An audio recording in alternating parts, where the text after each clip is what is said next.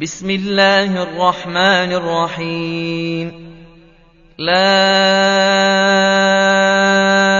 أقسم بيوم القيامة ولا أقسم بالنفس اللوامة.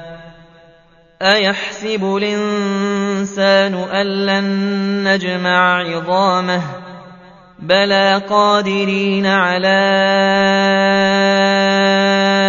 أن نسوي بنانه بل يريد الإنسان ليفجر أمامه يسأل أيان يوم القيامة فإذا برق البصر وخسف القمر وجمع الشمس والقمر يقول الإنسان يومئذ أين المفر؟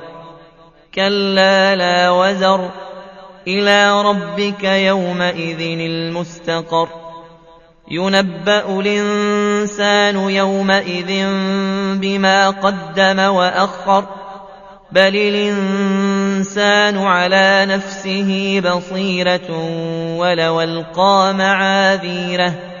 لا تحرك به لسانك لتعجل به. إن علينا جمعه وقرآنه. فإذا قرأناه فاتبع قرآنه ثم إن علينا بيانه. كلا بل تحبون العاجلة وتذرون الآخرة. وجوه يومئذ ناظرة إلى ربها ناظرة. ووجوه يومئذ باسرة. تظن أن يفعل بها فاقرة. كلا إذا بلغت التراقي. وقيل من راق. وظن أنه الفراق والتفت الساق بالساق إلى ربك يومئذ المساق فلا صدق ولا صلى ولكن كذب وتولى ثم ذهب إلى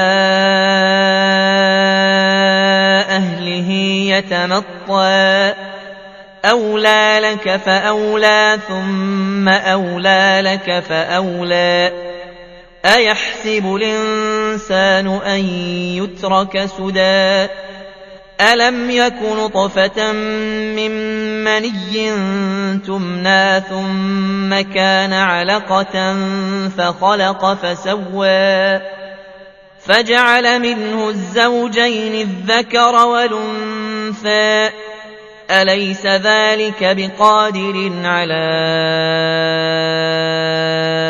أن يحيي الموتى